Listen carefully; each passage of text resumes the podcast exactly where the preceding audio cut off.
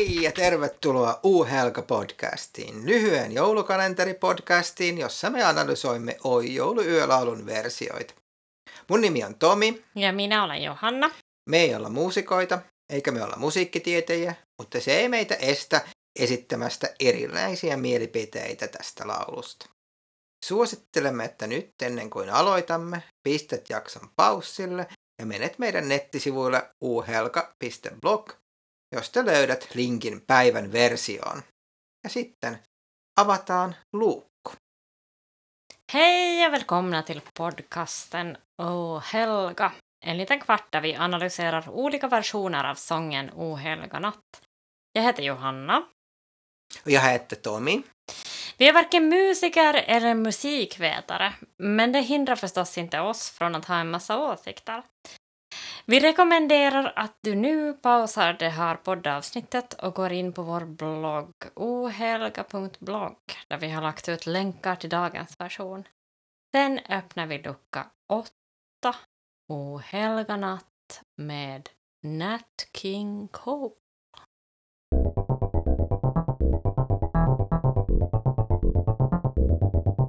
Ja tämä oli siis Nat King Colein Oh Holy Night. Ja, det var inte den svenska versionen. Jostain syystä se laulu englanniksi. Okej. Okay. Mm.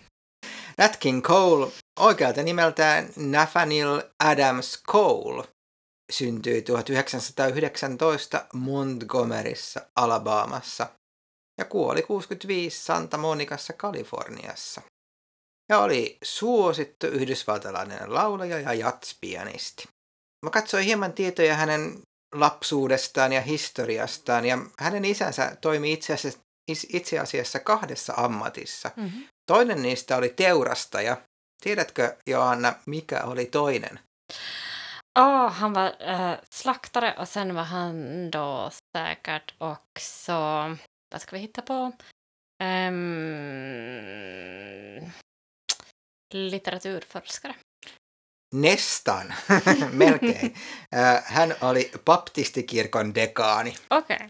Ja he muutti sieltä, mistä se olikaan, Montgomerysta Alabamasta sitten Chicagoon, josta hänen isästään tuli sitten pappi. Ja hänen äitinsä Berliina toimi kirkon urkurina. Ja tämä äiti opetti pojalleen pienonsoittoa ja Nat King Cole esiintyi ensimmäistä kertaa jo neljän vuoden iässä. Uh-huh kappaleella Yes, we have no bananas. Mm-hmm. Ja hän esittikin siitä lähtien jatsia, hengellistä musiikkia, mutta myös paljon eurooppalaista taidemusiikkia omien sanojensa mukaan Bahista Rahmaninoviin. Perhe asui tosiaan Chicagon Bronzevillessä, joka oli 20-luvulla kuuluisa yöelämästään ja jatsklubeistaan. Nat hiipi iltaisin ulos klubien liepeille ja kuunteli sieltä esiintyjien soittoa, muun muassa Louis Armstrongia, Earl Fatha Hinesia, Jimmy Noonia ja muita suosittuja sen aikaisia jazz-artisteja. Viime jaksossa me hieman lopussa sanottiin, että tämä, tämän päivän esittäjä voisi olla joulun kuningas. Ja Nat King Colea voi esit, voisikin ajatella joulun kuninkaaksi, ainakin amerikkalaisen joulun kuninkaaksi, sillä Cole liittyy toiseen kuuluisaan amerikkalaiseen joululauluun, tällaiseen crooner-perinteen lauluun nimeltään nimittäin Christmas-songiin, mm-hmm. joka tunnetaan myös nimellä Chestnuts Roasting on Open Fire – tai alkuperäiseltä nimeltään Merry Christmas to You. Oh, den känner jag igen. Ja. Joo. Ja laulua vuodelta itse asiassa jo, jo vuodelta 1945 ja on Robert Wellsin ja Mel Tormeen tekemä. Ja tämä kappale on itse tehty kesän helteissä, aivan Aha. helteisimpänä päivinä, jossa halusi miettiä, että mikä olisi niin kuin viilentävää ja siitä tuli tämä niin laulun sanat. Mutta tämä Christmas Song tuli vasta maailman hitiksi Nat King Colen esittämänä 1961. Mm. Ja myöskin oli Nat King Colen tällainen avain maailman tähteyteen. Mm. Mutta se Nat King Coleista, mitä mm. mieltä olit Nat King Colen versiosta? Ja, uh, det första som jag har antecknat då när vi lyssnade på den så var um, att det var en Hollywood-version. Aivan, mulla on ihan sama ajatus, kyllä. Mm. Äh, jag tror att det var de där klockorna i början också som gjorde Mm. att, det blev lite sådär Hollywood-orienterad. Äh, sen sen funder, funderar jag, men det hittar jag inget svar på, men vad är det som gör att vissa röster ähm, låter, eller känns i alla fall, retro? Mm. Aika jännä, joo. vet ehkä vet du siinä- vad jag joo, liksom... Kyllä kerro ehkä lisää. Nej, men det finns vissa röster som- jag tycker Nat King Cole um, som, jag vet inte om det är sättet som han sjunger på Mm. som känns så här um, 40-tal, Mm. 50-tal kanske. Från vilket, har vi någon aning? Tämä, tämä oli 1961. 60, ja, muistaakseni tämä 61, versio. ja. Ja, det tycker jag också kvalar in där. Att, att är det någonting med, eller är det kanske snarast så att man senare, typ 90-tal och framåt, har på något sätt börjat sjunga på ett annat sätt? Eh, en tiedä, ehkä siinä on se ta- laulutapa, millä on laulettu, ehkä se voi olla äänityskin, että minkälaisia mikrofoneja, minkälaista niin äänimaailmaa haluttiin. Että tämä on Joo. tosi sellainen niin kuin, samanlainen kuin moni muu niin kuin Joo. Frank Sinatra tai muita tällaisia niin kuin tietynlainen, Mm. ehkä Joo. hyvä pointti. Och så kan det finnas någon sån här, något slags röstideal också. Att Mm. liksom, Aivan, idealet för hur en röst ska låta är lite olika. Jag vet Mm. inte. kyllä. Smålar. Um, jag tyckte att den här eh, versionen var väldigt jämn. Uh, sådär jämn, tjock, lika lång som bred och lika Mm. hög som låg där i början. Mm. Uh, att det var väldigt behagligt att lyssna på. Mm. Uh, den, den var inte rörig Mm. på samma sätt som vissa av dem som vi har förut lyssnat Mm. på. Utan det, fast det var liksom flera element i den så var de Mm. ändå på något sätt bra portionerade. Håller du med? Mm, Joo. Aika paljon. Mun mielestä se oli sellainen niin kuin, joku hän, sellainen niin kuin, hän tumma, turvallinen, sellainen joulunkellot siellä taustalla. Tuli sellainen niin kuin munatotia takan ääressä. Mm. Sellainen niin kuin, aika helppo, Mm. ei mitenkään niin kuin vaativa laulu, jota voi kuunnella taustallakin. Ja. Sitten myöskin se on aika lyhyt. Mä, jos mä katson oikein, niin kaksi ja puoli minuuttia. Ah. Tämä on tällainen niin kuin, vähän niin kuin sen valittujen palojen lyhennetty versio. Että siitä Joo. puuttuu ne orjat ja muut sieltä kokonaan Ja. ja muut. Että, mm. Ja, det är intressant att du säger äggtoddy också för att äh, när jag försökte fundera ut någonting som känns lika som den här låten så då skrev jag risgrynsgröt. för att det är liksom varmt och det är sådär lite tröstande Joo, kanske. kyllä.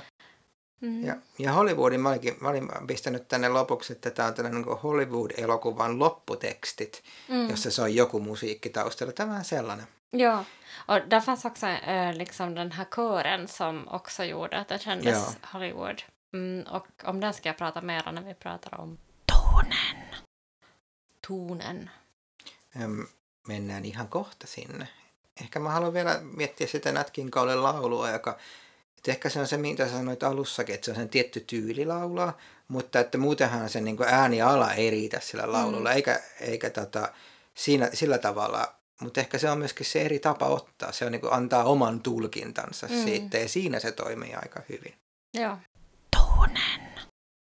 Ja sitten me voidaan hypätä itse tuuniin, eli kuinka meni viimeinen Holy Night, Noel, o- Helga Natti, jouluyö sun Mm. mielestä? Tonen.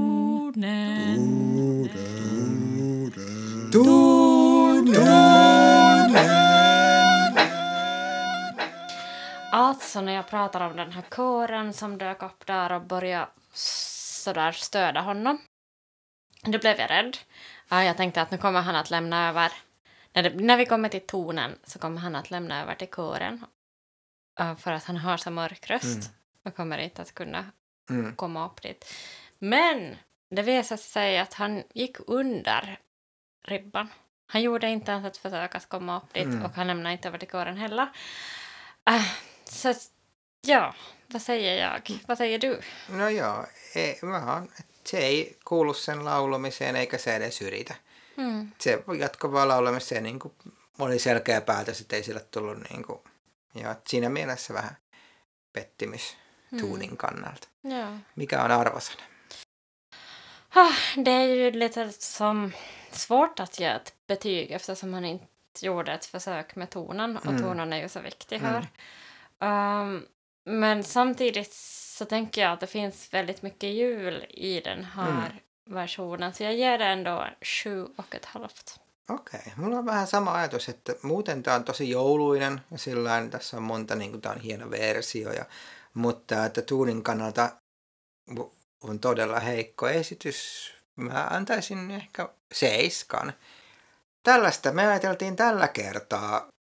Mitä itse ajattelet? Jos haluat jätä kommentteja meidän sivuille, jotka löytyy siis osoitteesta ohelga.blog. Ja kaikki kuuntelemamme kappaleet, niin kuin tämäkin, löytyy soittolistana sekä Apple Musicista että Spotifysta. Huomiseen, jolloin kuuntelemme version, jonka laulaa Turun yliopiston humanistisen tiedekunnan kunniatohtori. Ja, vi får se. Uh, så tycker vi om uh, uh, versionen med Nat King Cole. Kommentera gärna vad du tycker om dagens version och det vi har sagt här på vår blogg ohelga.blogg. Alla versioner som vi lyssnar på i den här podcasten kommer att sammanställas till en spellista på Apple Music och Spotify, så där kan du också gärna gå in och lyssna. Vi hörs imorgon då det blir en version med en hedersdoktor. Ja, Mm? så Vi- är det. Ja, vi hörs. Vi hörs. Hej Ja, då. hej då. Moi moi.